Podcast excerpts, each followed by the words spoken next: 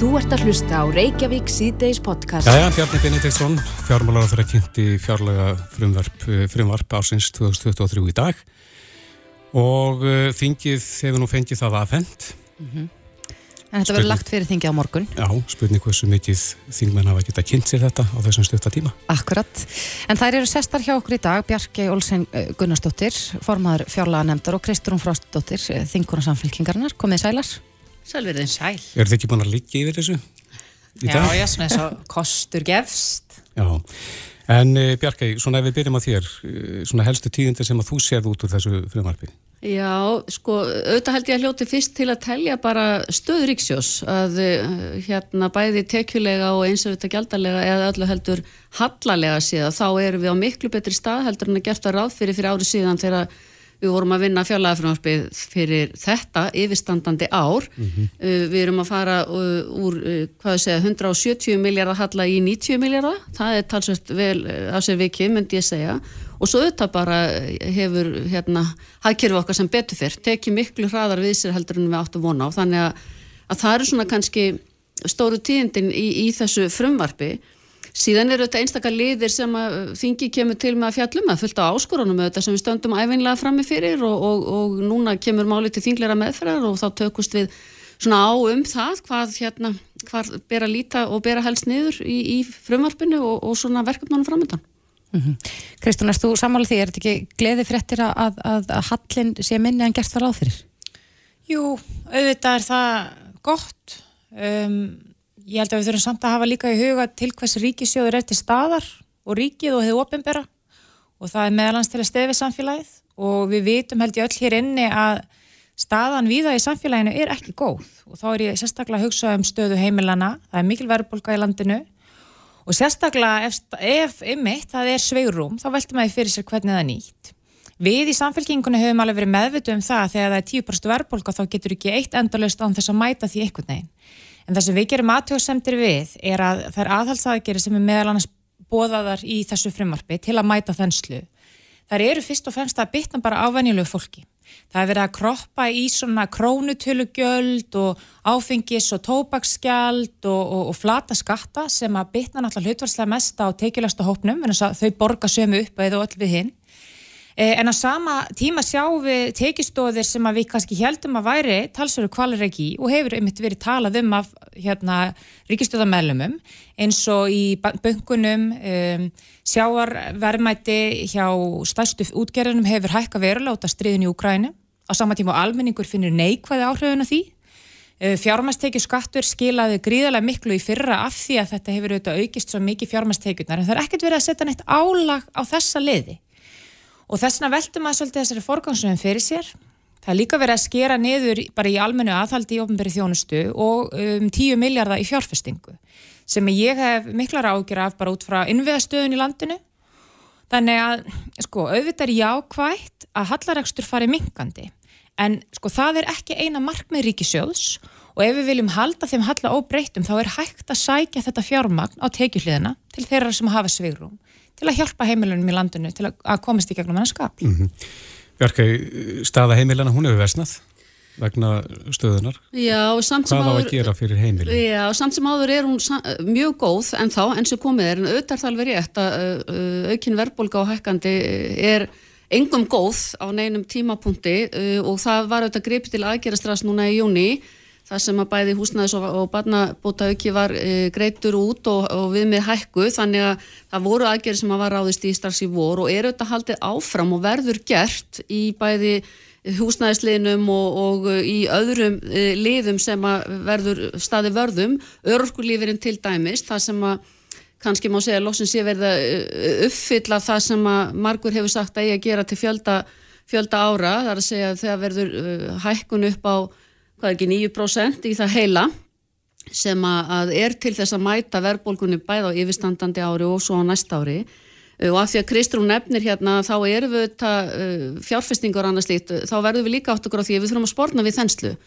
Og þar verður ekki aðeins að kannski að staldra við, það eru líka allt talsveit dýrara eins og við þekkjum í, í útbóðum og öðru slíku en við erum samt sem áður að setja mikla peninga, ríflega fjóra miljardar í rannsóknir og, og þróuna endurgreislur, við erum að lækka greislu þáttöku sjúklinga. Við erum að setja uh, í tengivegi 1,5 miljard sem eru jú framkvæmdir. Þannig að við erum uh, að gera ímislegt þrátt fyrir að, segja, að það þurfi svona að hæja örlíti á. Og, og að sjálfsögðu er ríkisjóður nýttur til að standa vörð um samfélagið okkar með þessu sem ég er að segja. Ég menna við erum að setja peninga í loftbrú fyrir landsbyðar fólki, við erum að setja áframhaldandi peninga í geðhelbriðismál og svo mætti lengi telja. Þannig að ég held að, að við séum alveg að standa vörðum um, um fólkið í, í landinu en svo þurfum við eins og ég segi í fjárlagnefninu bara aðeins að velta því fyrir okkur er einhver staðar gatt í þessu sem að við teljum í einhverjum málaflokkum sem að við teljum að við þurfum að huga betra og það er vinnan okkar Kristúna meðlansan framöndan.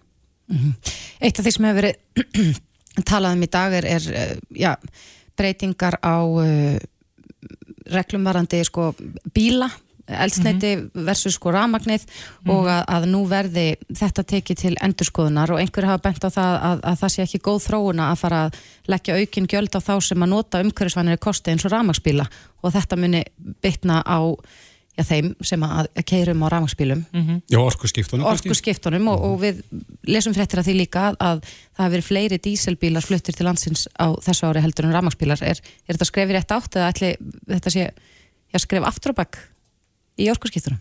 Sko, fyrir mína parta get ég sagt að ég skil alveg hvað fjármála ráðnöndi er að gera hvað þetta varðar. Ég menn þetta hefur bara gengið mjög vel, það var mjög margir nýtt sér þetta úrræði og maður þarf auðvitað að spyrja sig um, þegar þessi tekjulegur sem hefur skilað miklu til ríkisjóðs og er að fjármagna samnæslu þess að þar hefur farið minkandi undanförnum árum og er þá mögulega grafindun getur okkur til að sinna öðru hvort það þurfu þá að leita tekna öðrum stöðum Svo má auðvitað alveg velta því fyrir sér hvort að það eigi að vera í hækkuna á rafbíla eða ekki, en það liggur alveg fyrir að þessi tekilegur hefur vext mjög mikið út af þessu.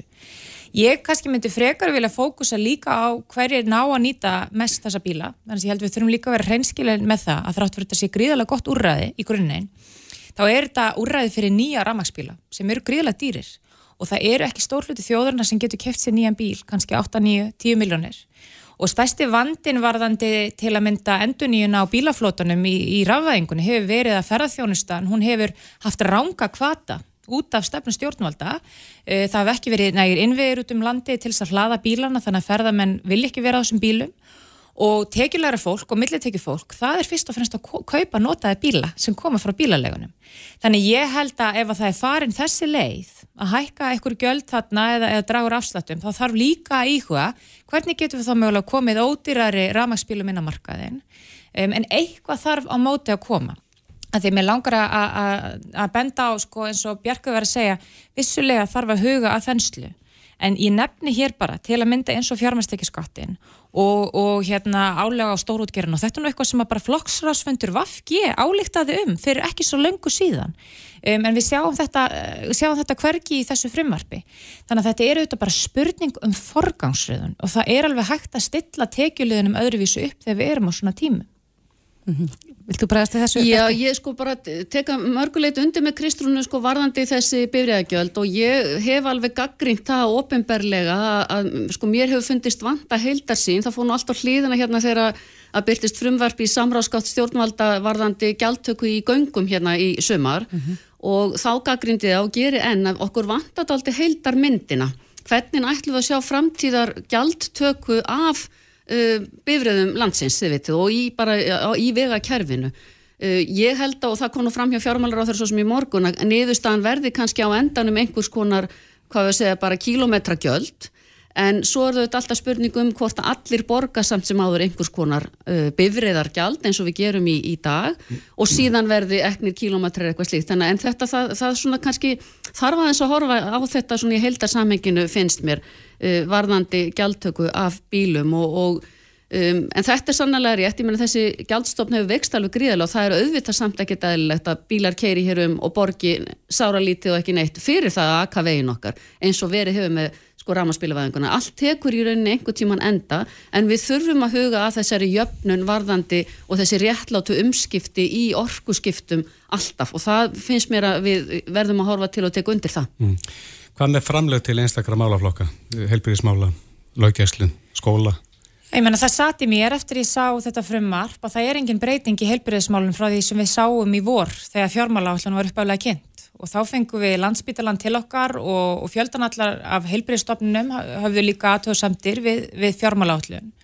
Um, það kom bara fram mjög skýrt hjá landsbítalanum að sá raunvöxtur, svo má kalla, það er að segja auk, auka upp að þeir sem er lagt að nýja, teknum til, til verðlags og launathróunar, mætir bara engan veginn þörfum spítalans og þessi útskýring sem hefur komið frá fjármálar á þeirra að það sé engin uppsapnar halli á landsbytalanum, það er bara verið að þau sem að stýra landsbytalanum taka sitt hlutverk alvarlega og þau eru ekki að eigða umfram það sem að þeim er skamtað, en það þýðir ekki að þau sé ekki að skera niður. Og manni þykir þetta kannski svolítið sérstakt í ljósi stöðunar, eh, auðvitað er þetta svolítið sí endur tekið efni en sérstaklega þessar miklu uppsagnir sem við hefum verið að sjá á bráðamáttöku, við vitum að það er neyðar ástand viða út um land og það að við sjáum ekki útgjald að aukningu þarna finnst mér bara að grafa alveglegt mál. Ég hef líka gert aðtöðsend við það að við fengum hérna, upplýsingar og, og, og fréttatilkynningar og, og fréttamannafundum húsnæðistillögur sem að ríkistjórnin ætlaði að koma á laginnar. Uh, Fjármálur á þeirra verist ekki treysta sér til þess að setja fjármagn og eirnamerkja fjármagn í þennan málaflokk. Um, það eru 2 miljar krona niðurskurður í, í framlögum til uppbyggingar ódýrs hú, húsnæðis eða hafkvæms húsnæðis. Og þetta er bara engan veginn í takt við það sem hefur verið kynnt. Um, og, og afsakarnir hafa falist í því að þetta muni koma síðar meir að það hefur bara ekki komið útfæsla það. En hér tala ríkistjórnum svolítið í kross en þess að innviðar á þeirra nefndi það sérstaklega viða í fjölmjölum og þingi að hann hefði sett inn tillögur um aukna fjárvitingar í þennan málaflokk en ekki fengið að samþykta fjármálar á þeirra. Mm -hmm. Þannig að það eru hlutir þarna, sérstaklega heilbrísmál, húsnæðismál sem að valda með vonbröðum. En þarna þarf að afla tekna á móti og við höfum bara mjög góðar hugmyndir um þá tekstofna. Björkvinn? Já, ég meina það eru þetta, hvað ég segja, uh, heilbrísmáli taka um 30% af útgjöldum uh, ríkisjós fyrir komandi ár það er verið að auka í ekstraframlög til sjúkrásuna og við mögum ekki gleyma því að því að landsbyttalinn fær alltaf daldi mikið segja, sem þjóðasjúkrás fær hann alltaf daldi mikið plásu umræðin og allt annað gleymist finnst mér minnstakosti sjúkrás og akkurýri meðal annars og, og svo bara heilsu gæslan sem eru þetta verið að leggja talsverða fjármunni í. Við erum líka að bæta við 1,2 eh, miljardi í, eh, miljónum í rekstur nýra hjókrunarrýma sem að ég tel að skipti máli vegna þess að það hefur ju verið eitt af því sem við höfum talað um mjög lengi að það vanti fjármögnum þar inni. Þannig að uh, sannlega eru áskoranir í þessum málaflokkum. Húsnæðismálin og stöðningurinn þar eins og kom fram hjá ráð þeirra í morgun þegar hann var að kynna máli að þá eru settir inn talsveit miklir fjármögnurinn á varasjóð uh, hvað sem okkur finnst um það að þá er það vegna þess að að hann vildi ekki áætla einhverja tiltekna fjárhæð og vera með einhvers konar fyrirfram vendingar fyrir en að nefndin skiljaði og það á að gerast núna á meðan að við erum að vinna að frumvarpinu þar að segja fyrir aðra umræðu fjárlaga. Að þá koma fram tillögur það sem að búi verður að draga þetta saman og skila af sér einhverju niðurstöðu þannig að ég tel að, að það sé allavega í einhverju ágættisferli en eins og ég segja, annað verður við kannski bara að, að taka og, og, og skoða betur og þessar áskorunni sem við stöndum framifyrir Mm -hmm. Kristján, þú varst hér í viðtali í bítinu í síðustu viku held ég alveg örgla og þar sem þú, já, hvaðst vera frekar spennt að sjá þetta mhm. frumvarp mm -hmm. er þetta vonbreið?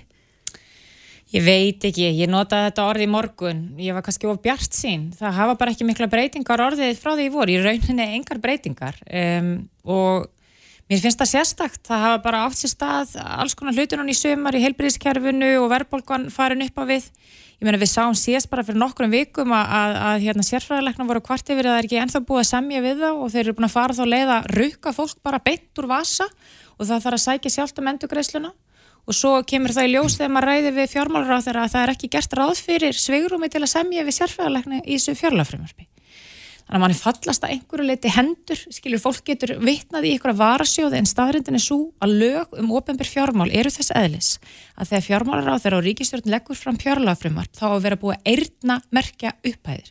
Það er ekkert sem heitir skuffu fyrir á þeirra þar sem að þú getur komið bara eins og jólasveit rétt fyrir samþygt í fjárlaga og ákveðið að pumpa upp upphæðinar. Þannig að sko auðvitað vona ég að þetta sé satt að sem er verið að segja að það komi meira fjármagnin okkur að staði en við erum með fjöldan allar umsaknar aðalum út, út í bæ og stopnunum sem er að treysta þetta fjármagn og þær munum möguleg ekki vita hvað þeir eru að fá þá fyrir að rétt áður en fjárlögur er samþygt. Mm -hmm. Þannig að þetta hefur mikil áhrif að vinnuna að vinna þetta svona. Já. En það er nú talsveri fjármunni bara svo það sé sagt hjá sjúkratryggingum Íslands sko að vegna þess að það er jú búið að vera að reyna að semja við hérna, sérgrinarlækna frá 2018 þannig að það hafa náttúrulega verið settir inn fjármunir en það hefur ekki tekist að semja. Það er jú alltaf þannig að báðir aðalega þurfa að gefa eftir til þess að það sé hægt og auðvitað vonast maður alltaf til þess að það verið hægt og það kom líka fram í morgun hjá fjármálur á þeirra heilbyrjus á þeirra vonast til þess að samningum yrði náð og ef eitthvað upp á vanthaði við, við það sem að sjúkratryggingar hefðu og þá auðvitað hefðu við þennan varasjóð upp á að hlaupa sem er ætlaður í meðal annars uh, svona uh, kannski eitthvað sem er ekki alveg fyrir sig hvernig endar eins og þetta. En sannlega eru til fjármunir eins og fyrir sálfræði þjónust og annað slíkt sem að liggja inni í sjúkratryggingum vegna þess að það hefur ekki tekist að semja við þess aðeina. Mm. Þing kemur saman á morgun, þannig að þetta verður vantilega fyrsta verkefni þingsins að krifja uh, þessi lög. Já, svona eftir við erum búin að draga um sæt og svona, þegar það hattrætti er búið. Loksins aftur. Mikilvægum málum fyrst, hvað við sitjum, uh, þetta verður rætt á 50 daginn. Já. Bjarki á 50 smorgun. Akkurat, Bjarki Álsing Gunnarsdóttir og Kristúrun Frostdóttir. Takk fyrir komina. Takk fyrir. Þú ert að hlusta á Reykjavík C-Days podcast. Rætjavíks í deys klukkuna vant að 28 mínútur í 5. Segmyndur Erni Rúnarsson, reittstjóri fréttablasins, hann var harðorður í leiðara helgarblas fréttablasins núnum helgina. Mm -hmm. Það sem að gaggrindi, eins og hann sagði, gengdarlaus álagningu fríhefnarinnar í leifstöð og þar með fari sjálft ríkisvaldið á undan með vondu fordæmi og okri svo á landsmönum og í ofinbæri verslunum að líka verður við arga starðar á. Akkurat og segir þetta heita ekki annað en skattsvík. Já, akkurat og Hann hefur líka verið hardorður á þess álækningu í fríöfninni, eh, formaða neytendarsamðakana, Breiti Karlsson. Mm -hmm. En e, á línunni er frangandastjóri fríöfnarinnar, Þorgerður Þráinsdóttir, kom til sæl. Já, sæl. Já, það er hart sótt að ykkur og þeir eru gaggrind fyrir mikla og álækningu úr hófi. Hvernig svariði því? Já, ég náttúrulega eins og margir hittir sem ræðum fylgst aðeins með þessu og hérna ég verði nú að segja að það vekur í fyrsta lagi aðtikli mín að hvorki formaði leitenda samtakana mér rittstjóri fréttablasins, þeir virðast vita að virðisaukaskattur á salgætti er 11% en ekki 24% og rittstjóri fréttablasins tala mér sem 24,5% þannig að það er í fyrsta lagi ekki alveg réttfarið með málið og svo ef við horfum á þessa könnun að þá hérna allar svona verðkannanir er náttúrulega gaglega bæði fyrir neytendur og fyrir slásala til að halda sér á tánum og, og vera upplýstur og fylgjast með. En þarna erum að ræða bara mjög lítið úrtak af vörum, hérna séu tíu vörnumir þarna og, og hérna samanburðurinn ást erfiður af því að það er ekki til dæmis rétna kílóverfið á salgeti heldur heldur bara miðað við þá pakningastarið sem er og svo er smáaletri það sem að sagt er hérna, það sé ekki sama pakningastarð og, og annað. Er ekki verið að bera það... sama sömu vörur sem sagt í, í þessum konum? Ekki, ekki þarna kort í sömu stærðir, neða alveg sömu vörur í sömu tilvikum eins og að við horfum bara á M&M, þá selur fríöfnin engungu hérna, M&M frá bandaríkjunum en í á innanlandsmarkaði og hér, ég held að það sé verið uppsitt ekki í Costco, þá er það frá Breitlandi, þannig að það er tölvast ólík fara. En síðan er líka leðilegt að sjá að ikonin er líka villa. Það er þannig að mynda verði á nógakrótti og sést að það kostar heldur 1449 í Costco en er sagt í, í töflunni að það kosti 449. Þannig að, að þarna er strax alveg hérna, svona aðeins eitthvað maður spurninga að venski við þetta og, og eins og ég segi svona kannanir er mjög gaglegar en er, við þurfum að gera kröfu um vöndu vinnabrönd. En þó við leiðréttum, þú veist, fyrir þessa villur og svona, þá kemur samt þeim áður ljós að það er verðmjölur á ákveðnum hérna, tegundum. Mm -hmm. En það þarf samt ekki að vera óeðlilegt eða merkjum að vera sér að svína á leikendum einhverjum hætti. En hvað stýrir þá þann verðmjölun? E, já, við þurfum fyrst og fremst að hafa í huga og svona skoða um hvers konar verslun er að ræða að hérna, fríhafnir eru ekki lágverðverðsverslanir, það keir á allt öðru mótili, það er mikil fjónust og mikil vöru úrvald, það er opið 24 tíma sólarings, alla dag ásins og þannig að það er ekstra mótal sem er hjá lágverðverslunum myndi aldrei ganga upp í fríhafnum. En það er hægt að gera mjög góð kaup í fríöfnum og það er mikið áherslu að lögða það að vera með góð tilbóð og oft er áherslu á það að, að, hérna, að þú fær betra verð og kaupir meira magn og til dæmis í korninu er ekki tekið til til þess að á dömlekarmelum er yfirleitt seldir sko frýrpókar og verði tveggja og, og svona eitt og annað þannig að neytundu geta treyst í að það er áframægt að gera og er hægt að gera mjög góð kaup í fríöfninu. Og, og hérna, við vitum sérstaklega með vörur þar sem virðisaukarskatturinn er, er lærri, bara 11% og, og sérstaklega í íslensku vörum sem að, að bara bera hérna, að smilni álagningu að það er ofta erfitt að vera með þennan verðin en við teljum samt sem áður mjög mikilvægt að geta bóðið upp á íslenska vörur fyrir þann erlenda ferðarmenn sem að verslar í fríöfninu og við erum með viðskiptavinni sem að jafnvel koma aldrei inn til Íslands en er að kaupa mjög mikið af íslensku vöru bara á flugöldinu. Já, en það er ekki mikil samkeppni á, á þessum stað í fríöfninni, er það? Getur það sko, skýrt að hluta til uh, velagninguna? Nei, sko fríöfnir eru fyrst og fremst í samkeppni sín á milli um, þú veist, þegar hérna, uh, ferðamæður er að, hérna, að ferðast, þá fær hann ákveðna heimil til kaupa og toppsbrálsumartningi og fríhafnir og flugvellir eru að keppast um það hvað þessari hérna, heimild er rástafa og flesti flugvellir leggja áherslu mitt á það að, að flytja vestlum til landsins að þú kaupir í, í því landi og við viljum að hérna, hveita til þess að, að neytið kaupi hér á landi í fríöfn en ekki í öðrum erlendu fríöfnum og við leggjum til þess mjög mikið áherslu á í vöruvali okkar og það sé sambarlegt við aðra fríöfnir og verðið sé, hér sé gott með við aðra fríöfnir og við gerum til dæmis mjög reglulega uh, verkanarni á flugöldum í kringum okkur og, og núna í ágúst gerum við tölur stóra verkanarni á flugöldum í Skandinavíu og þar komi ljósa að ég verði á Saldjati þá var það oftast lækst í fríöfnir á tefnleikuflugöldi. Mm -hmm. Þannig að við erum mjög samkeppnishæfi þeim markaði sem við erum að keppa og þá erum við að horfa á vöruúrvalið og horfa á tilbúin sem er í bóði og sem taka þessa þætti líka inn í myndina. Akkurat, en eh, við vorum nú rétt á þann að ræða um eh, fjárlega frumarspið og, og eitt af því sem þar kom fram er að gerst er að, að hækka gjald á áfengi og tópak sem er selgt í, í tollfrjálsum verslunum. Eh, mun þetta hafa mikil áhrif á, á ykkar sölu heldur? Já, það er eins og ég var að segja á þá eru fríhafnir að keppa sín á milli og, og svona reyna að hérna, flytja verslun til landsins í staðin fyrir að hún farið fram í erlendum, erlendum fríhafnum og þessi hækkun áfengiskjaldi mun gera samkefnisverði fríhafnar á keflauguflöðli mun erfiða með í samkefninni við aðra fríhafnir.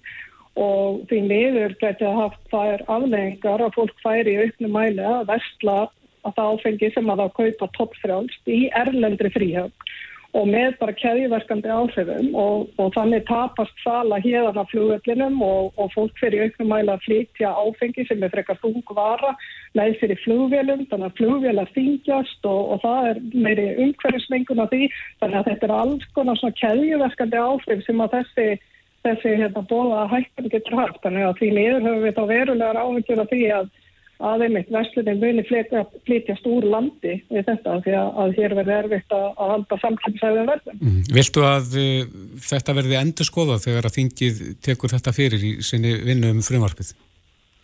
Ég vil klálega að þetta mál sé skoða mjög vel út frá öllum hliðum og það sem vetir hvaða afleggingar þetta getur haft af því að, að, hérna, að þessar veist, tekjur sem við erum að ná inn í landi núna ef það er að flytjast úr landi hvað, hvaða áhrif það hefur. Þannig að ég held að það sé fyrst og fremst bara mikilvægt að, hérna, skoða þetta mál vel og, og hérna, finna sér upplýstur um að hvaða afleggingar þetta getur raun að vera haft. Akkurat. Já, það verður forvitnilegt að fylgjast með umræðum á þingi um þetta en Þorger Þránsdóttir, framkvæmdastjóri fríhafnarinnar. Takk kærlega fyrir þetta. Já, takk fyrir.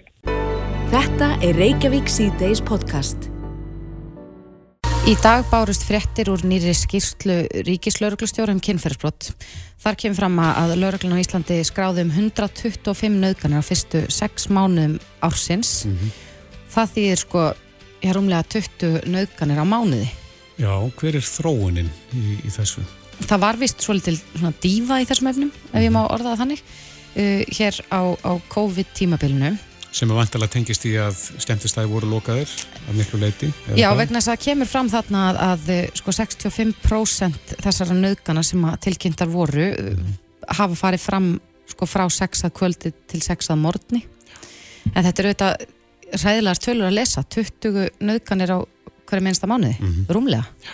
en það er spurning hver þróun er og hvort að mögulega nú hefur þetta verið gríðarlega mikil umræðið í samfélaginu um kynferðisbrot og vitundar vakning og, og umræðið um það að, að tilkynna skuli mm -hmm. ætti, öll brot kannski hefur það áhrif En hún er sest hjá okkur Margret Valdimarsdóttir, félags- og afbrótafræðingur og dósent í lauruglufræði við Háskólinu Akureyri, kom til sæl.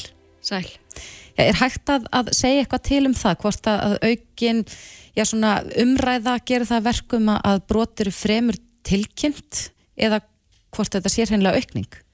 Já, sko við okkar svona bestu gögn að, sem hérna í þessu málum, svona rannsóknir sem hafa sérstaklega skoðað þetta á undanförnum árum á Íslandi, sína það að Uh, sko það hefur ekki orðið aukning á tilkynningum á alvarlegum naukunum eða á naukunum alvarlegum kynferðisbrotum. Það er svona svipa hlutvall og, og hefur bara verið á ára, síðasta áratug.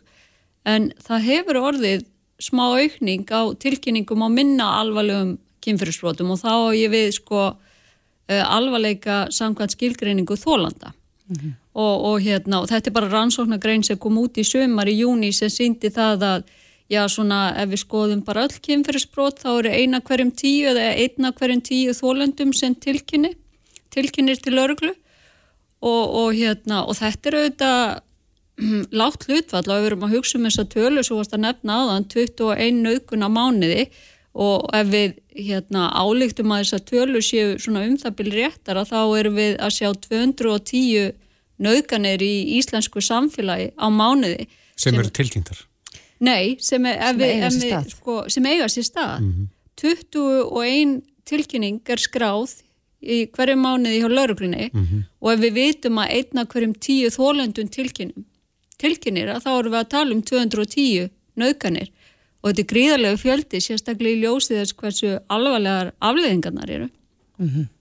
En, en eh, við sáum einhvers konar dífu hérna, það voru alltaf færri tilkynningar á, á meðan að samkomu takmarkanum voru voru hertar, er, er það tengslinn við skemmtarnalífið? Já og, og það er alveg sama munstur og hefur verið að byrtast bara í öðrum löndum í löndunum í kringum okkur að, að hérna, kynferðisbrot þeim fækkaði á í COVID þegar sóttvarnareglur voru í gangi einmitt vegna þess að skemmtistæðir þeim var lokað og, og fólk held sem meira heima, það var ekki farið, það var heldur ekki partjum í heimahúsum, heldur var það meira heima með sínu fólki og þess vegna uh, fækkaði kynfyrirsbrotum mikið og þeim sko einmitt þessi hérna þessar tölur sem er að byrtast núna uh, naukunum hefur fjölgað síðan í COVID vegna þess að í COVID voru þær í sögulegu lámarki allavega á síðustu svona hérna árum uh, en þær eru samt sko þessar tölur þráttur að þessu háar fyrir 2022 að þá er þetta samt mun læra heldur en það var fyrir COVID. Við erum ekki að sjá einhverja svona, e, það er ekki e, söguleg e, hækkun í fjölda nöðgana núna. Er, kynfyrirsbrotin var að fjölga fyrir COVID. Mm -hmm. En hvað hva eiga þessi stað, þessu nöðganir? Er, er það vitaði búið að greina það? Já, svona að einhverju leiti, þetta er svona kringum skemmtana lífið, þetta er hérna, ekki inn á skemmtustöðum en svona kringum skemmtana lífið í heimahúsum sem að hérna, svona einhverjum partjum eftir mm -hmm. eftir að skemmtistöðun lokar og, mm -hmm. og hérna, já. En annað sem að já, kom fram í dag líka var að, að heimilisofbeldismál hafa aldrei verið fleiri hér á landa, það var nú mikið talað um það hérna í COVID ástandinu að, að, að það var greiðilega mikið um heimilisofbeldi. En, en þó er það meira núna. Já og þetta það, þær tölur eru í raun og veru sláandi finnst mér. Vegna þess að hérna heimilisofbeldi það jógst í COVID og, og það hefur ekki e, það hefur ekki dreyið úr því núna hérna eftir COVID. Og, og sko þá spyr maður sig hvað er að gerast í íslensku samfélagi, er bara í raun og veru, er bara fleira fólk að beita heimilisfólki sitt ofbeldi eða er þetta eitthvað annað? Og ég vona svo innilega og mig grunar að þetta tengis nú einmitt að, að fleiri séu að treysta sér til þess að koma og tilkynna til lauruglunar. Lauruglan á Íslandi hefur verið að leggja miklu meiri áherslu á þennan málaflokk á síðustu árum heldur en áður mm -hmm. og það hefur áhrif. Þessi umræða í samfélaginu hefur haft áhrif. Þannig að þólendur treysta þá lauruglan frekar til þess að grýpa inn í og það stert inn í? Alveg reynd og þess vegna erum við að sjá fjölgun í tölum lauruglunar vegna þess að fleiri er að fara til lauruglunar, treysta frekar lauruglunin til að taka uh, sérst taka vel á móti þólendum. Já þannig að jafnvel þó að ofbeldi hafi átt sér stað hér áður að, að, að þá er það bara já, upp á yfirborðinu núna. það, ég, er, hérna, ég er nokkuð vissum að sé þannig og ég held líka bara almennt í íslensku samfélagi þá höfum við minna umburðarlindi gagvart ofbeldi heldur við gerðum áður og það var þannig að, að heimilisofbeldi það var svolítið litið á það sem engamál hverjar fjölskyldu og það er bara ekki þannig lengur Mm -hmm. Okkur finnst þetta varða samfélagið í heilt þegar við heyrum af heimilsofbeldi, hvort séða makaofbeldi eða ofbeldi gegn börnum. Akkurat, já, en þetta eru þetta sláandi tölur, en það er líka sláandi það sem þú sagði ráðana einingis einn af hverjum tíu þólendum kynferðisofbeldis tilkynni broti til lauruglu. Hvað er hægt að gera til þess að breyta þessu hlutfalli? Já, það er sko, lauruglan á Íslandi, sérstaklega lauruglan á höfuborgarsvæðinu hefur að leggja áherslu á að taka betur á móti þólendum heldur en hérna var gert áður. Það hefur verið lögð mikil áhersla á að, e, að það sé mikil þekking til staðar hjá lauruglun eitt til þess að taka á móti þólendum með virðingu og, og ég held að það hefur áhrif. En svo hugsa maður líka bara um alla þessa umræðu í samfélaginu í kringum MeToo og þessa samfélagsmiðla byltingar að maður myndi halda að það er auki tilkynningar. En sko það gætu líka að einhverju leiti dreyið úr þeim vegna þess að, að sko umræðan í samfélaginu hefur verið að sakvellingar hlutfalli á Íslandi í kynferðisbrotum sé verulega lágt. Þess vegna af hverju ættur að tilkynna það mun ekki fara lengra málið, málið verður látið falla niður mm -hmm. og, og ef það verður ekki látið falla niður þá mun kosið mér gerandin ekki verða dæmdur og svo hefur umræðin líka verið gríðarlega mikil í kringum það að fólendum upplifa ekki réttlæti sem þó fara til laurugluna mm -hmm. og mhm. það getur auðvitað dreyið úr fólendum að stíga þetta skref en svo líka kannski mikilvægt bara að koma því að að það það er ekkit allir þólendu kynferðisafbróts sem vilja hreinlega fara til lauruglunar, ekki vegna þess að samfélagið segir þeim að, þau eigi ekki að gera það eða vegna þess að lauruglan tekur í, ekki vel á mótið þeim, heldur bara það vilja ekki allir taka þetta skref og við verðum líka að mhm. virða það Já, en, að einhverju þólendu treysti sér ekki til þess. Akkurat, en maður hlýtur þó að geta dreyið þá álöktuna að, að það séu ekki nýju af hverjum tíu sem að, að vilja það ekki. Það held ég að sé hári rétt hjá þér og þannig kemur þólendaskömmin uh, held ég inn í mm -hmm. og, og hérna, ég held að hún hafi minkað í íslensku samfélagi, hún er þó endi staðar og ef við setjum þetta í samengi að einna hverjum tíu þólendu kynferðisbróts á Íslandi tilkynni til uh, þá, þá er það uh, helmingur í sömu rannsókn og, og ég er að vitna í núna, mína eigin rannsókn, þá var það helmingur af þólendum eh, sem sagt hérna annara tegundra líkamsárása sem tilkynna. Þannig að 10% er mjög látt í samanburði við aðrar líkamsárásir. Mm -hmm. Rétt aðeins í loki margætt, eh, það verið tölverið umræða um uh, byrjunarlif eða naukunarlif. Já. Og uh, var eitthvað sending, þrjár sendinga núna daginn ef ég tók rétt eftir fréttum þarf að fara að taka eins harðar á þessu og, og auka refsinguna fyrir það að bæði flýti þetta inn og þegar menn eru gripnir með þetta og, og beita þessu. Þetta er náttúrulega graf alvarlegt að, að byrla fólki, þú veist ekkert hvaða áhrif eh, svona efni hafa á líkamann eða viðkomandi. Þetta er, þetta er stór hættulegt og ég held að sér rétt hér að, að hérna, það þurfa að herða refsingar að því að það sendir ákveðin skilabóð um að við tökum þessu alvarlega. Ég held einmitt að fólk gerir sér ekki alveg grein fyrir hversu mikil rúsnesk rúlett að það er að vera með svona einhvers konar liv að, að byrla fólki, mm eitthvað sem þú veist ekki hvernig muni koma út og, og ég held að sér rétt hjá það að það þurfi að taka uh, herðar efsingar fyrir þetta.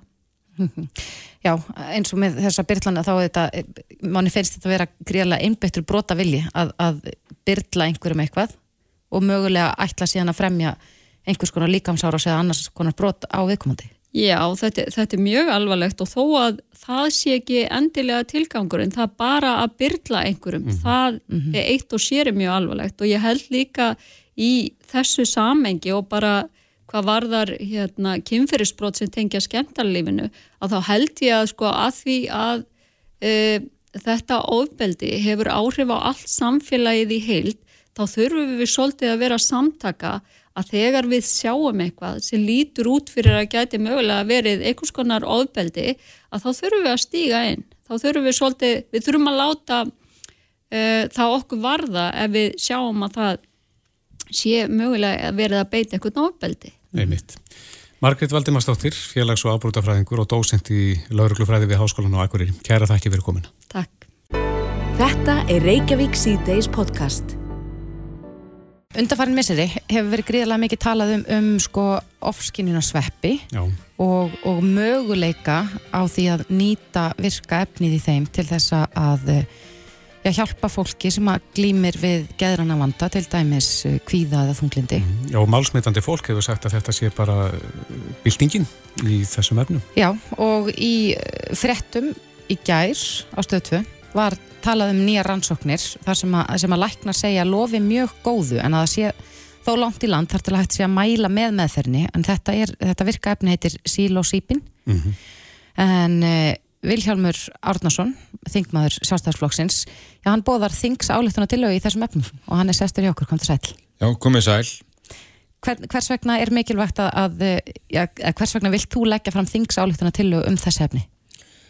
Það er út af því að við þekkjum öll bara geð hilsa uh, vandan almennt og, og, og það er oft mjög erfitt að takast á það og það er kannski það sem skortir helst þar í geðheilbyrðismálum eru úrræði. Og, og þarna er fólk sem að áveg slík vandamál að stríða oft stætta bara sínum allra vestastæði í lífinu. Og hvað gera það? Auðvitað leitar það lausna, lausna sem virka. Og, og núna er, er það bara viðst, tæknin og heimurinn og það opnari að, að það vita allir um lausnin að viðst, hvað aðrir eru að gera og hvað virkar fyrir aðra. Og ég sá það þegar að, að þetta var svona kynntilega fyrir mér að staðan í þessum málum að það eru alveg rosalugur fjöldi hér á landi sem er að nota þetta í dag. Og er að fara í svona ymsan meðfæri með sílósýpin og, og bara upplifin og árangurinn sem er líst fyrir manni er ótrúlegur.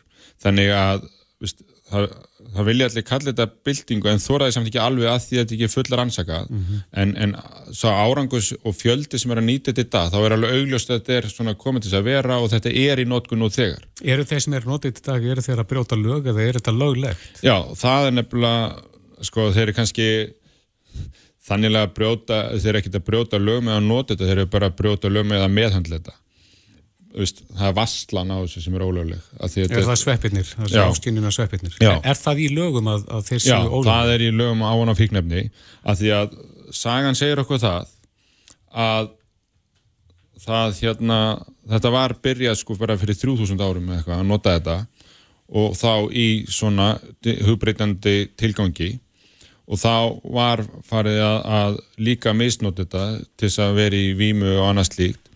Og, og þá var þetta bannað. Og þá duttu niður rannsóknir. Svo núna þegar að svona auknar áskorunni ekki heilbriði í heiminum að þá fer þetta að rísa upp aftur. Og þegar árangur sést þá fara háskólar annað að skoða þetta. Þannig að, að ég sá að staðan á Íslandi var svo að það er fullt af fólki að nota þetta þetta er hjálpa fullt af fólki en það er líka svona uh, aðlar farinir að selja þetta á svartamarkanum og selja þjónusu sína við að nota þetta. Og það er ekki svo umgjör sem við viljum hafa. Þannig að, að ég tel þá réttara að stjórnvöld hérna gerir hvað þeir sem geta til þess að þetta úrræði komi þá inn á markaðin henni að fagaðilar í heilbyrðiskerfinu geti á löglegan hátt nýtt sér þetta, rannsaka þetta frekar og bóði þá íslenskum skjólstæðingum og sem að öðrum sem vilja koma hér til lands til þess að nýta þetta upp á þessa meðferð á faglegan hátt en ekki í undirheimun og, og, og því tel ég mjög mikilvægt að, að þegar að fólk hérna veit af þessu og er í vanda, það er ekkert að fara að stoppa að nota þetta, þannig að við skulum þá bara hlaupa með og, og, og gera hvað sem við getum gert til þess að vita meira um þetta, til þess að sé hægt að gera þetta á faglegri og örgari hátt Mm En nú hefur verið talað um það að sé nú frekar langt í land hvað þessar rannsóknir varðar að það þurfa að rannsaka þetta enn betur. Leggur til að það verið gert hér að, að íslenski sérfræðingar já, komi þar að borðinu og, og stundi þessar rannsóknir? Já, að þeir fá að taka þátt í þeim rannsóknir sem eru og jafnvel gera sínar eigin rannsóknir og, og hérna þannig að við erum að tala um það að setja þetta í þessa umgjörð að við viljum rannsaka þetta og þróa þetta sem úrræði í eitt úrræða mörgum í, í geðhilbriðismálum og í staðin fyrir að hafa þetta bara einhvern veginn bannað uh, í lögum um hérna áan og fíknefni sko og, og þar sé bara allt stöpp og öll framþróun og, og, og allt það sé bara því að við erum eitthvað hrætt við þetta og erum ekki búin að fá ná mikið að svörum sko. Hvað tækir Það ekki upp. Nei, hvað tækir svona langan tíma? Þessi, hvað, hver serðu fyrir að tímaramin væri? Rannsóknir og, og koma þessu í einhvern ramma utanum þetta? Sko, það er, ég held að það þurfi ekki að vera svo langur tími að því að lifjafyrirtækin eru, eða stallana eitt lifjafyrirtæki er nú þegar byrjað á þessu. Og það eru heilu deildirnar í bæðum breskum og bandariskum háskólum byrjaðar að rannsaka þetta. Þannig að, og ég veit að, að það er aðlar komnið í samskipti við landsbítalan og annað að taka þátt í þessu. Þannig að þannig að, að ég hugsa að þetta þurfi ekki að taka neitt gríða, veist, ekkit óæðlega langan tíma með að við bara svona aðra rannsóknir í þessu sko. þannig að ég held að, þetta, ég held að bæði er, er áskorunin í geðheilbjörnsmálinn svo stór uh, árangurinn lætur ekki á sér standa hjá þeim sem er að, að prófa þetta almennt. Þannig að, að ég held að það sé mikill þrýstingur að láta fá svör fyrir en setna þessu. En þú tjáði þig um þetta á fjörsbókinni og uh, fegst gríðarlega mikil viðbráð frá fólki þekki sem hefur sagt þér sína reynslu sögur. Jú, ég var búin að fá nokkra sögur fyrir en svo hafa það komið ennþá fleiri á eftir að það er fólk sem hefur lent í allskins uh, veikindum og þurft að nota verkja lif og önnu lif og, og orðið kannski háð þeim og lifin hætti að virka og, og, en samt háð lifjónum sem hefur svo þróast út í þunglindi og, og annað hérna önnu vandamál í kjölfarverkja og ástands og annað. Og þannig að þau bara komin svona á einhvers konar enda stað í sínu lífi. Og þá farið til fagaðala sem að þekkir notun hérna psilocybins og komist út úr þessu ástandi. Komist bæði út úr fíkninni og út úr þunglindin þannig að þetta virkar bæði en, en, en þessir aðalar hafa þá allir sammert að þeir, að, þeir voru að gera þetta undir einhverja haldsleyslu með þekkingu. Og það er alveg heilbriðstæðismenn í Íslandi sem að hafa mikla þekkingu á þessu og hafa geta hjálpa fólki en, það er, en vandamál er að það er líka aðalega sem hafa ekki þá þekkingu og er að bjóða upp á þessu þjónustu og það er alvarlegt. Akkurat, það var eiginlega næsta spurning sko, þeir sem eru nú þegar að, að nýta sér þetta undir handleyslu einhvers, eru það þá já, ekki sko læknisfræðilega mentað fólk eða hjúkunarfræðingar eða slikt, þetta er bara einhverjir aðlar út í bæ. Já, sem er að bjóða það en það er líka læknisfræðilegt fólk sem er að bjóða þetta og er þá að gera það á ábyrgan hátt en, en það er ekki til neitt regluverk og það er þess vegna sem við erum að leika það til að þeir sem að geta það að því að í flestum tilfellum og flesta sögurnar sem ég er, þá er fólki komið endastu. Það er búið að vera ávisa allskins önnur geðlif og verkjalif og ávana bindandi lif. Þetta er ekki ávana bindandi og þannig að það er svo ávætta sem er verið að taka með að nýta þetta og aukaverkan, mögulega aukaverkan fyrir þessu eru kannski bara litlar meða við það ástand sem við komum til komin í þegar það er stokkið til þarna Ég, það, það, þetta er augljóslega ekki eina úrræði og þetta er ekki sem að mun bjarga öllu en þarna er verið að leggja áslá að, að þetta úrræði sem er hjálpa mörgum við vissar aðstæður að það þarf að gera það aðgengilegt sem fyrst á ábyrganhátt Mm. Þing kemur saman á morgun, þú ætlar að leggja fram þingsáleiktina tillugu. Hvað uh, heldur að verði um hana? með að við Heldur að sé vilji á þingi til þess að, að er, er fólk að þessi tekur undir þetta með þér? Já, ég hef bara mikla trú á því að, að það veri einhverju flutningsmennur öllum eða ekki allan að flestum flokkum. Ég hef svona vísbendingar um það nú þegar og ég hef bara trú á því að við getum samanast um að klára þetta hratt og, og, og vel af því að, að viðbröðin eru frá mjög breyðum og fjölbreyttum hópi og, og hérna og ég hef ekki séð einhverja svona harða anstöðu, það er einhverjar spurningar um að þetta sé rétt um farvegi eða þetta sé ekki búið að klára. Það er það sem við erum að tala um. Við erum að tala um að við þurfum að hraða rannsóknunum eins og við getum og við þurfum að taka þátt í þeim hér á landi. Og, við, og það er oft gott að gera rannsóknur í Íslandi. Við erum lítil þjóð sem getum þá unnið oft hraðar. Og, og hérna þannig að við erum ekki að tala um eitthvað löglega þetta eitthvað svoleiðis, við erum bara að setja þetta í ferli og faglega umgjörð Akkurat, þú minnist náttúrulega að við séum lítið land en það hefur líka oft verið talað um það að við séum að slá hvert meta og fætur öðru í nótkun þunglindis og hvíða livja. Heldur að þetta myndi jafnvel breyta þeirri stöðu ef að, ef að já, svona, þeirra framlega stundir? Miða við það er fjölda hérna, af sögum sem ég fengi til mín að þá er það alveg augljóst að þetta geti hjálpað að það er bæði vist tímabundin áhrif að þessu og varanleg og, og, og dregur úr þessari hérna þunglindislífa nótkun sem að oft á tíðum, sum þunglindislífi eru bara að virka mjög vel fyrir marga en önnur eru bara með verri afleðingar heldur en til var ætlast og, og eru ekkit alltaf fallega niðurstöru á nótkun þeirra sko. Þannig að ég held að þetta getur breytt miklu þar með að við að það fjölda alla bæði rannsókn á niðursta og líka bara þetta var alveg ótrúlega fjölbreyttur sögur sem maður fengið til sín úr mjög fjölbreyttum hópi þjóðlífsins. Einmitt. Viljarmur Átnarsson, þingmaður Sálstæðisflokkins, kæra þakki fyrir komuna. Takk fyrir mig. Reykjavík síðdeis á Bilginni podcast. Já, maður hefur oft fengið pest, flestir hafa fengið pestir Mhm. og það rýmaði ég eiginlega alveg óvart.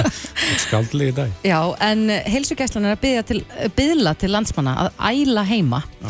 Og bendir réttilega á að það sé kvimleitt að fá niðurgang í bílunum í nýri auglýsingaherferð. Já, akkurat. Og það var nú reynda komið fram að þessi er reyna að minka álægið á heilsugjæsluna og kannski eru aðra léttari leiðir fyrir gubbupestina, heldur en að mæta á læknastofu. Akkurat, en, en við erum forrættur þetta. Er það algengt að fólk mæti með slíkar pestir á heilsugæslunum þetta? Ég held að, já, margir, vonandi flestir vitið það nú er oftast lítið hægt að gera þegar að svona umgangspestir banka upp á. Óskar Eikdalsson, fórstjóri heilsugjæslunar og höfuborgarsöðin er á línu, kom til sæl. Já, komið í sæl. Já, eins og Þórti spyr, er, er þetta algengt að fólk sé að mæta með uh, gubbupestina uh, á læknavaktina? Nei, nei. Það gerist alltaf- öðru hvora en við erum nú fyrst og fremst með þessu svona að reyna að vekja aðtikla á heilsu veru og reyna að vekja aðtikla á svona og efla heilsu læsi fólks Mm eins og sagt er þegar maður svona vekur aðtikla á því að, að það er ímsa leiðir til þess að fá ráð maður þarf á því að halda. Og á bak við þessar svona heilsu veru þar er til dæmis upplýsingamistu heilskjálfnar sem að þannig að þegar að maður svona klikkar á þessa borfa sem að sjást í auglýsingunum að þá koplast maður inn á nánari upplýsingar um akkurát það sem að maður er að það sem það er tekið fram. Þannig að þá fær fólk svona upplýsingar um stöðuna hvað þetta er og svo leiðis og, og svona eh, þannig að fólk svona já, skoði svolítið stöðuna. Við erum auðvitað viljum við eh, að fólk komi þegar áfærum að halda. Það, það er til þess að við erum í þessu. Já, þannig að fyrsta stoppið á ætti vera heilsugjæslan heldur heilsu vera. heilsu vera, já, og það er mjög gott ráð. Og svo upplýsingarmiðstöðin ringja og, athugað og taka stöðuna. Og svo að því við erum náttúrulega búin að vera kannski undanfæri ár svolítið að þjálfa upp í fólki að, að öndunafærisíkingar geta verið alvarlegar og veit þetta með COVID og fólk getur bara dáið og þetta drepsótt og allt þetta svona svolítið svona, við hefum beitt svolítið svona hræðsla áraðri til þess að svona ná til fólks þannig að við, og það hefur gengið ákvæmlega vel. Og við, en núna þá er staðan svo að það er náttúrulega ekki þannig lengur. Lang þessar öndunafærisíkingar eru saklusar og, og ganga yfir bara mjög fljótt En, en eh, já, þessi auglýsingaherferð hefur allavega já, vakið aðtegli, en hvernig er staðan svona almennt á heilsugæslunum? Heyrum að reyla bara að tala um það í fjölmjölum að, að það sé gríðarlega erfitt að komast að? Já, það er þannig að það er, við sinnum, erum að sinna þessum bráða málum mjög mikið og, sem, og þá þurfum við að taka fólk úr svona skipulegri móttöku í að sinna bráða þjónustunni og auðvitað tökum við móti öllum sem mæta til okkar og sinnum þeim og en svona ef það falla bóka tíma þá er svolítið svona lengri bíð. Ég er hérna að því að við erum að tala hérna um heilsuverun og ég er nú komin inn á heilsuveru Já, og að því ég tek nú bara þetta gubbupestina hérna sem dæmi. Uh, þetta er ekkert mjög aðgengilegt samt þannig inni. Það er ekkert sem að leiði mann að ná fram. Ég sló hérna inn í leitar, leitarorð gubbupest og það kemur ekkert upp. Ok. Já, þá þurfum við auðvitað að skoða það. Ef við erum auðvitað að reyna að gera þetta eins aðgengilega hægt er og auðvelt að, að fletta þessu upp. Þannig að þarna inni á að eiga að vera góðar upplýsingar um það hvort að svona hva, hvena maður getur beðið, hvena er ástæða til þess að hafa samband og þá ef maður þarf að leita einhvað þá hvert maður á að leita Þetta er svona það sem við teljum ekki að koma fram. Já, Það kannski eitthvað annað leitar á, ég veit ekki hvort þið getur leitað ælupest. Ælupest. þá kemur óglið og uppköst upp. Já. En eh, hvernig er staðan á þjóðinni núna varðandi heilsufarið? Er, eru einhverjar pestar að ganga núna? Já, þokkalegt sko. Það eru öndunarfærsýngar í gangi alltaf. En það er ekkert sérstaklega mikið núna. Þetta er nú svona bara frekar afslættaði tími en það er samt tölvöld umsýkingar eins og gengur bara alltaf. Er þetta loknað undan storminum? Já, hver veit. Það er svo sem ekki gott að segja. Hver, hver, hvernig, hvenær byrja síðan eh, þessi faraldur að, eða faraldrar að, að ganga? Að segja influensan og, og slíkt. Já, þegar fólk fer að vera meira saman innan hús og minna úti þá aukast þessar og safnast meira saman eins og skóla til komin á fullt og svona þá byrja þetta og það er auðvitað byrjað að koma inn eftir að leið og skólanir byrja þá það það sem þetta smítast sérstaklega hefur yngri ykkur okkur það sem öndan að fara sér yngan það smítast mjög hratt Já, ég held að, að, að allavega flestir fóreldra leikskólabarna þekki það þegar að já, börnin byrja þar og, og eru innan um hinn börnin að þá er mikið um, um slíkar sýkingar. Já, og sérstaklega svona fyrsta árið eða tvö hjá börnum þá fá þau bara pest aftur og aftur. Það það er bara að reikna með því þegar þú ferir með barna leikskóla fyrsta árið eða tvö verða það margar öndur að fara síkingar. Akkurat. En, en búist þið við árangri af þessari herrferð? Já, við erum að vona það að að geta, semst, markmið er alltaf að nýta okkar fólk sem best, fólk fara á réttan stað, fáið sem bestar upplýsingar og við, höfum- okkur finnst það allavega á þeim törulegu upplýsingar sem við höfum til dæmis frá upplýsingamistuðinni sem svarar í síman mörg hundru símtöl á dag að við teljum að það sé verið að beina fólk til réttan stað og, og leiðuna þeim sem geta verið heima og við notum heilsuveruna mjög mikið til þess líka þessan þekking á við og, það, og það er, er óendalega mikilvægt fyrir okkur þegar við erum að koma með svona vinsælan veg því heilsuvera er sko 16 miljón flettingar á árunni 2021 Já. Er það tengt COVID? miljón. Já, auðvitað er það tengt COVID, en það er tækifæri þarna fyrir okkur til að halda áfram að nýta þetta. Þetta er orðið svona tamt fólki að nýta þennan vef og þá er um að gera nýtan til þess að efla heilsulæsi til að fólk átti sig á eigin stöðu og hvernig það getur verið sjálfberga og hvernig það þarf aðstof að halda og hvernig við getum komið til aðstofar og nýta okkar fólk sem best til já, landi og þjóð til hagspóta, má segja. Akkurat. En svo heyrir maður líka því, Óskar, að, að það er greiðlega mikið að gera á, á læknavaktinu og bara núna mánaðamótin þá var opnunatíminn þeirra stittur um tvo klukkutíma. Hefur það áhrif á, á ykkar starfsemi? Já, sko, læknavaktin er, er eiginlega svona síðdeis og kvöld og helgarvakt heilsugjæslu lækna. Þannig að þetta er okkar læknar eins og allra heilsugjæslu lækna að vinna þarna. Þannig að þetta var svolítið langt ef að þeir voru að vinna kannski fram eftir nótti eða fram á miðnætti eða lengur og mæta svo daginn eftir í vinnu. Það er, er bara mikið. Það er betra að dreifa þá vinnunni á alla þannig að það var metið skynsamlegt að loka þarna klukkan tíu í staðan fyrir að vera með opið til 12 og 1 og þannig að þetta var metið skynsamlega Já, akkurat. Óskar Reykdalsson, fórstjóri heilsugæslunar á höfuborgarsvæðinu, við skulum vona að, að fólk leiti þá fyrst inn á heilsuverina til þess að kanna svona málinn og leita upplýsinga þar áður það heimsækir ykkur. Kæ, kæra þakki fyrir spjallið. Takk sem þeis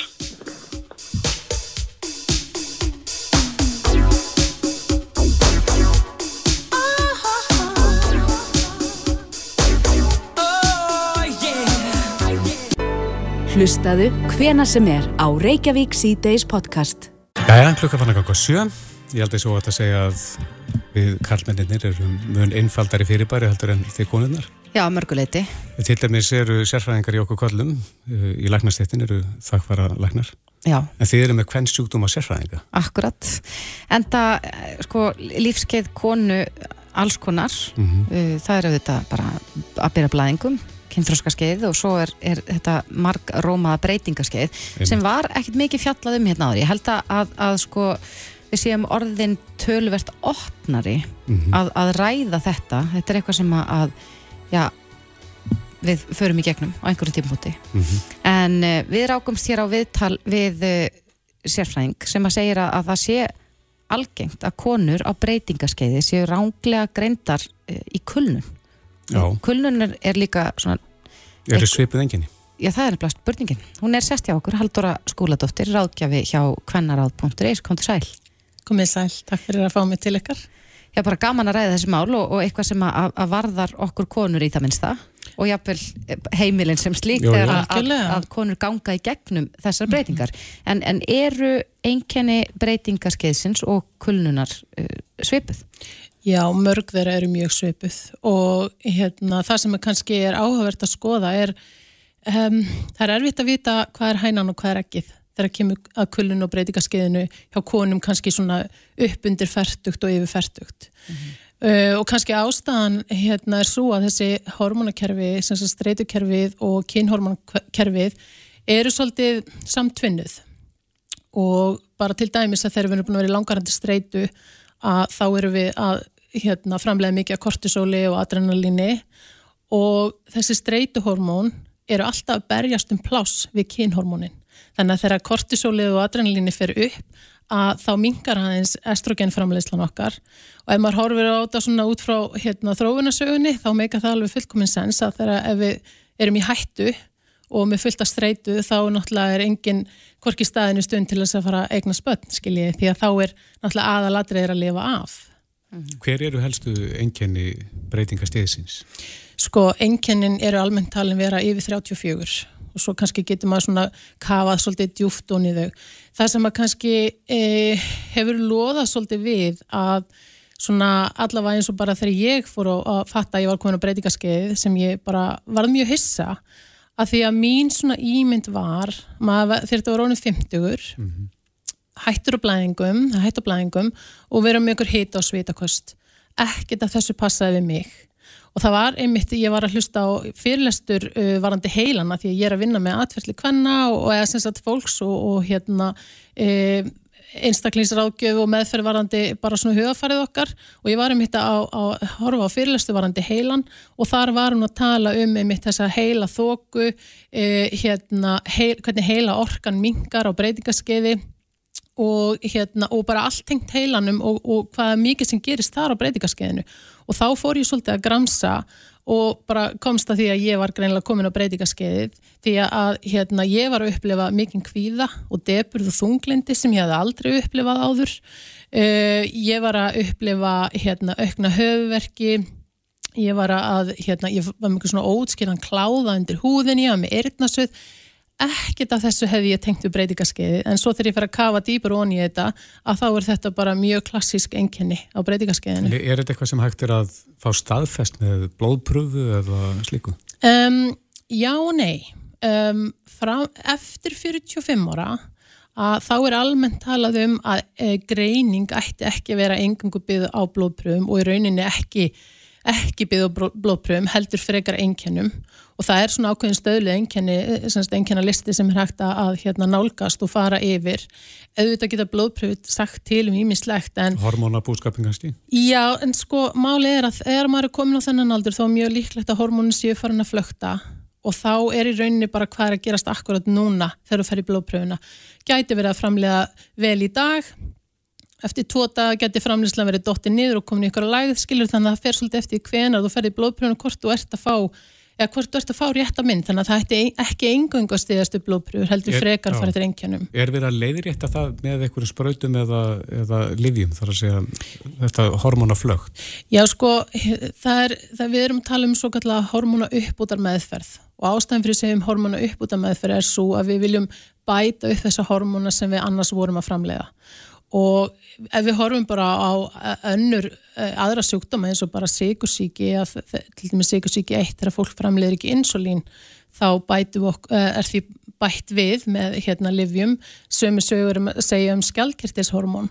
Þannig að við erum í rauninu svolítið að horfa á þetta eins.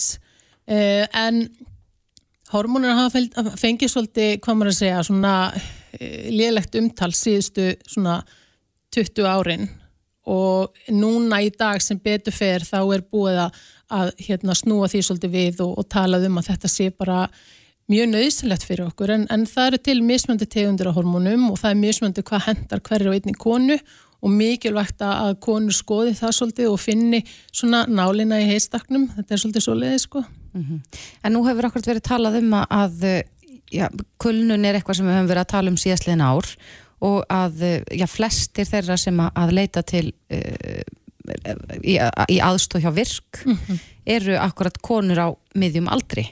En, en hefur fengið það já, staðfest að, að, að konur hafi farið í virk eða verið greintar með kulnun en síðan hefur bara komið í ljósa að, að þetta var gangur lífsins? Já, ég hef verið með fjöldan allan af konum sem hafa komið til mín annarkvort í, í breytingaskeisir ráðgjöf eða meðferð og verið að hjálpa þeim í gegnum þetta og hérna, ég byrjaði ekkert þar en svo fór ég raunin að leiða svolítið úti þegar að spyrja svolítið konur hvað það væri statar í lífskeiðinu e, þegar, einmitt, ég var alltaf að heyra að kona var dóttin út af vinnumarkanum eða var búin að vera í veikindafrí í langan tíma eða jafnvel búin að fara eina umferði jafnvel tvær í gegnum virk og var ekki að ná sér. Þannig að þá fór ég svolítið að tengja þetta saman og ég sjálf fór í gegnum kulnun þegar ég var 43 ára og núna í dag þegar ég horfið tilbaka þá sé ég svo mikið af einkennum breytingaskeiðsins sem voru byrjuð fyrir, fyrir færtugt hjá mér sem að ef að, að læknirinn minn hefði fatt að ég bjóð í Breitlanda þeim tíma ef að hún hefði kveikt á perunni þá hefði ég mögulega verið mun fyrir að ná mér.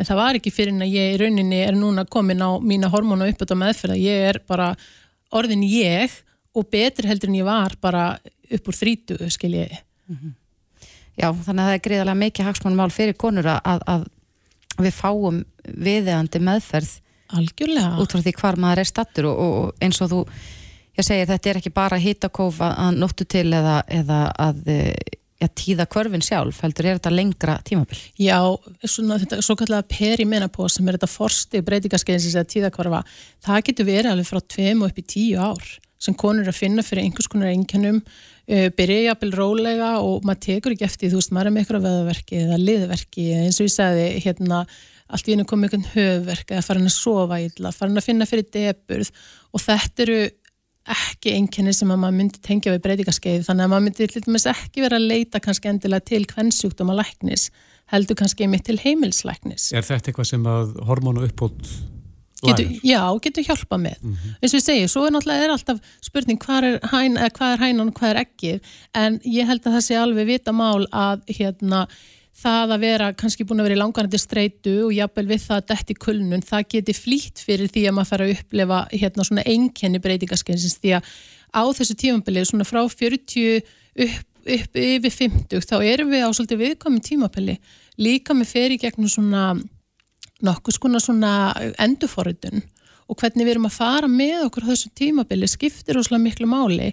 En þarna erum við kannski einmitt að keira svolítið inn í streyti. Ef ég horfi bara á sjálfa mig þegar ég var um færtugt og bara konur sem í kringum mig þá erum við yfirleitt á kafi í öllu á þessum aldri þegar við ættum kannski svolítið að vera að hlúa að okkur að því að við verðum viðkamari fyrir streitu og höndlum og dílum verfi streitu þegar að hormónun okkar eru farin að raskast. Þetta byrjir oft þannig að það eru, semst, við erum með þrjú kynhormón, það er estrogen, progesterón og testosterón.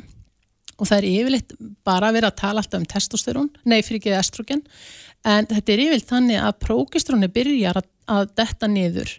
Og það er þá sem við förum með mitt aðeins að upplifa svona einkenni þú veist, einmitt þetta að sofa illa eða hérna, viðkvæm fyrir streitu, auknir höfuverkir í kring, kringum blæðingar, jafnvel svit og nóttin í kringum blæðingar og þá líður okkur jafnvel sko e, að því þá eru hlutfallega millir estrogens og progestrón orðið skakt. Og þá upplifum við bara, já, bara mjög mikla vanlíðan. Og síðan hérna í kjölfarið á því þá fer estrogeni líka að fara svona upp og niður, upp og niður og flökta. Og þá fara jafnvel að koma í mitt hita og svitakóf. En Ég held að sé í kringum 20% hvenna sem eru ekki að upplifa einn hitakóf eða svitakof þannig að það er alls ekki einnkynni sem við ættum að einblina yngunga á því að það skekki myndina heilmikið. Mm -hmm. Hvers slags lækna leita maður til? Er það hvern sjúkdóma lækna sem að, að, að, að geta hjálpa manni ef maður upplifir sér í þessar stöðu? Já, alveg heiklust. Um, mér finnst það mjög mikilvægt að heimilisleiknar uh, séu vakandi fyrir þessu líka og ég átti samtal við heimilsleiknum daginn mitt um þetta og hann saði það var, það, hann fekk svona mín í útgáfu af fyrirlestri hjá mér. En hann saði mitt það var svo gott að heyra þetta því að hann var ekki búin að gera sig grein fyrir þessu en væri einmitt að fá mikið að konum inn til sín á þessum svona miðjumaldri upp úr færtugt sem að hann e, svona giska á að væri leið í kulnun. Og hérna það er algengt að konur eru til dæmis e, ávísað annarkvort sveflif eða til dæmis e, alls konar geðlif sem er síðan ekki að virka. Auðvitað þau mm, til, komur sér góð þegar að orsökin er, er slík. En þegar að það er hormonójávægi að þá er alls ekki víst að þau séu neitt að virka. Og þú konur upplifa sér svolítið bara svona e, vonleysar og bara konur í þrótt og ef maður hugsaður um þetta í víðara samhengi ég hef svolítið mikið verið að tala við fyrirtæki um, því að eina hverjum fjórum konum íhugar að hætta snemma eða minga þessu vinnu og eina hverjum tíu konum dettur út af vinnumarkaði út af einkennum breytingaskeiðisins sem að kannski við höldum með mynda sé kulnun en svo náðar sér ekki í gang aftur. Þannig að þetta er ekki bara konurna sem er að líða fyrir það heldur náttúrulega bara fjárhæðurinn þeirra og e, réttindi skiljiði, við erum ekki að sapna miklum lífrisréttindum þegar við erum komin af, út af vinnumarkaðanum og svo náttúrulega bara í mitt makarnir og, og börnin. Það er allt heimilundir. Allt heimilundir. En það er hægt að kynna sér nánar uh, þessi málin á kvennaráð.is, það er bara sér kapli fyrir reytingastíðin. Já, já. Haldóra skóladóttir, ráðgjafi hjá kvennaráð.is, kæra þakki fyrir komuna. Takk fyrir. Reykjavík síðdeis á Bilginni podcast.